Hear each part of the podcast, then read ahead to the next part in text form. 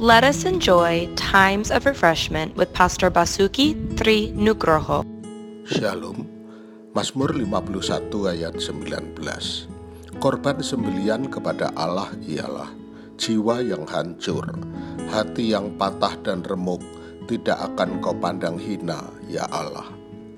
Menjelang akhir tahun menjadi waktu yang baik untuk kita memikirkan tentang Tuhan, meskipun setiap saat kita bisa melakukannya memikirkan tentang pribadinya, pandangannya tentang diri kita, dan kehendaknya dalam hidup kita. Banyak orang melakukan hal ini dan mengungkapkannya dengan cara yang berbeda-beda.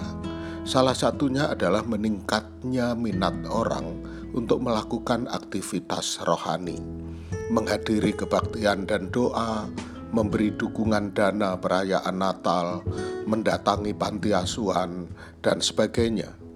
Tentu baik peningkatan aktivitas rohani menjelang Natal, tetapi kita melakukannya bukan untuk kepentingan diri kita sendiri.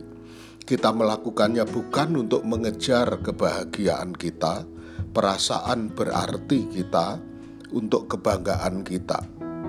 Tetapi kita melakukannya karena mengasihi dan menghormati Tuhan dan mewujudkannya melalui mengasihi jiwa-jiwa dan pekerjaan Tuhan kita dapat menghormati Tuhan dengan baik selama musim khusus ini dengan mengevaluasi pengabdian kita sendiri kepadanya.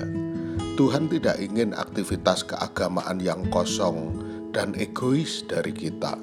Dia menginginkan ketaatan kita yang diekspresikan dalam tindakan kebaikan dan bantuan bagi mereka yang kurang beruntung dari kita. Tuhan memberkati. Untuk info pelayanan lebih lanjut, hubungi GBI Grace Community Center Makassar di nomor 081343625334. Tuhan memberkati.